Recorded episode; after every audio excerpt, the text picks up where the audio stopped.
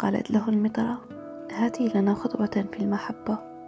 فرفع رأسه ونظر إلى الشعب نظرة محبة وحنان فصمتوا جميعهم خاشعين فقال لهم بصوت عظيم إذا أشارت المحبة إليكم فاتبعوها وإن كانت مسالكها صعبة متحدرة وإذا ضمتكم بجناحيها فأطيعوها وإن جرحكم السيف المسطور بين ريشها.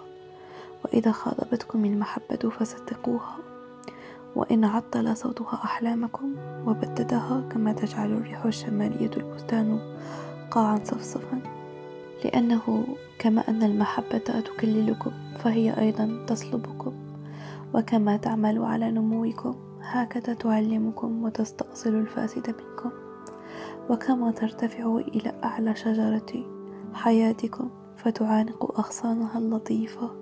المرتعشة أمام وجه الشمس. هكذا تنحدر إلى جذورها الملتصقة بالتراب وتهزها في سكينة الليل.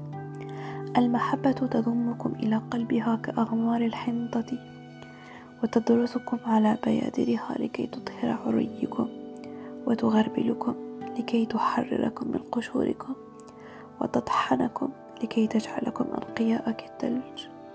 وتعجنكم بدموعها حتى تلينوا.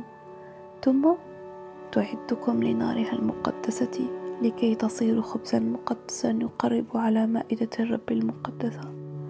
كل هذا تصنعه المحبة بكم لكي تدركوا أسرار قلوبكم فتصبح بهذا الإدراك جزءا من قلب الحياة. غير أنكم إذا خفتم وقصرتم سعيكم على الطمأنينة واللذة في المحبة. فالأجدر بكم أن تستروا عيوبكم وتخرجوا من بيدر المحبة إلى العالم البعيد حيثما تضحكون ولكن ليس كل ضحككم وتبكون ولكن ليس كل ما في مآقيكم من الدموع. المحبة لا تعطي إلا نفسها ولا تأخذ إلا من نفسها. المحبة لا تملك شيئا ولا تريد أن يملكها أحد. لأن المحبة مكتفية بالمحبة. أما أنت إذا أحببت فلا تقل إن الله في قلبي بل قل بالأحرى أنا في قلب الله. ولا يخطر لك البتة أنك تستطيع أن تتسلط على مسالك المحبة لأن المحبة إن رأت فيك استحقاقا لنعمتها تتسلط هي على مسالكك والمحبة لا رغبة لها. إلا في أن تكمل نفسها. ولكن إذا أحببت فكان لابد بأن تكون لك رغبات خاصة بك. فلتكن هذه رغباتك. أن تذوب وتكون كجدول متدفق. يشنف آذان الليل بأنغامه. أن تخبر الآلام التي في العطف المتناهي.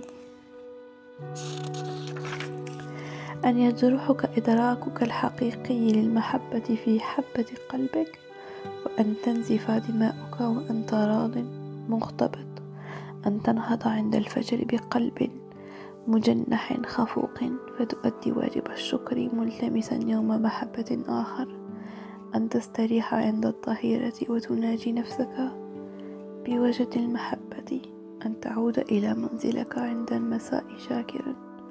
فتنام حينئذ والصلاة لأجلي. من أحببت؟ تتردد في قلبك. وأنشودة الحمد والثناء مرتسمة على شفتيك. المحبة. لجبران خليل جبران النبي. thank you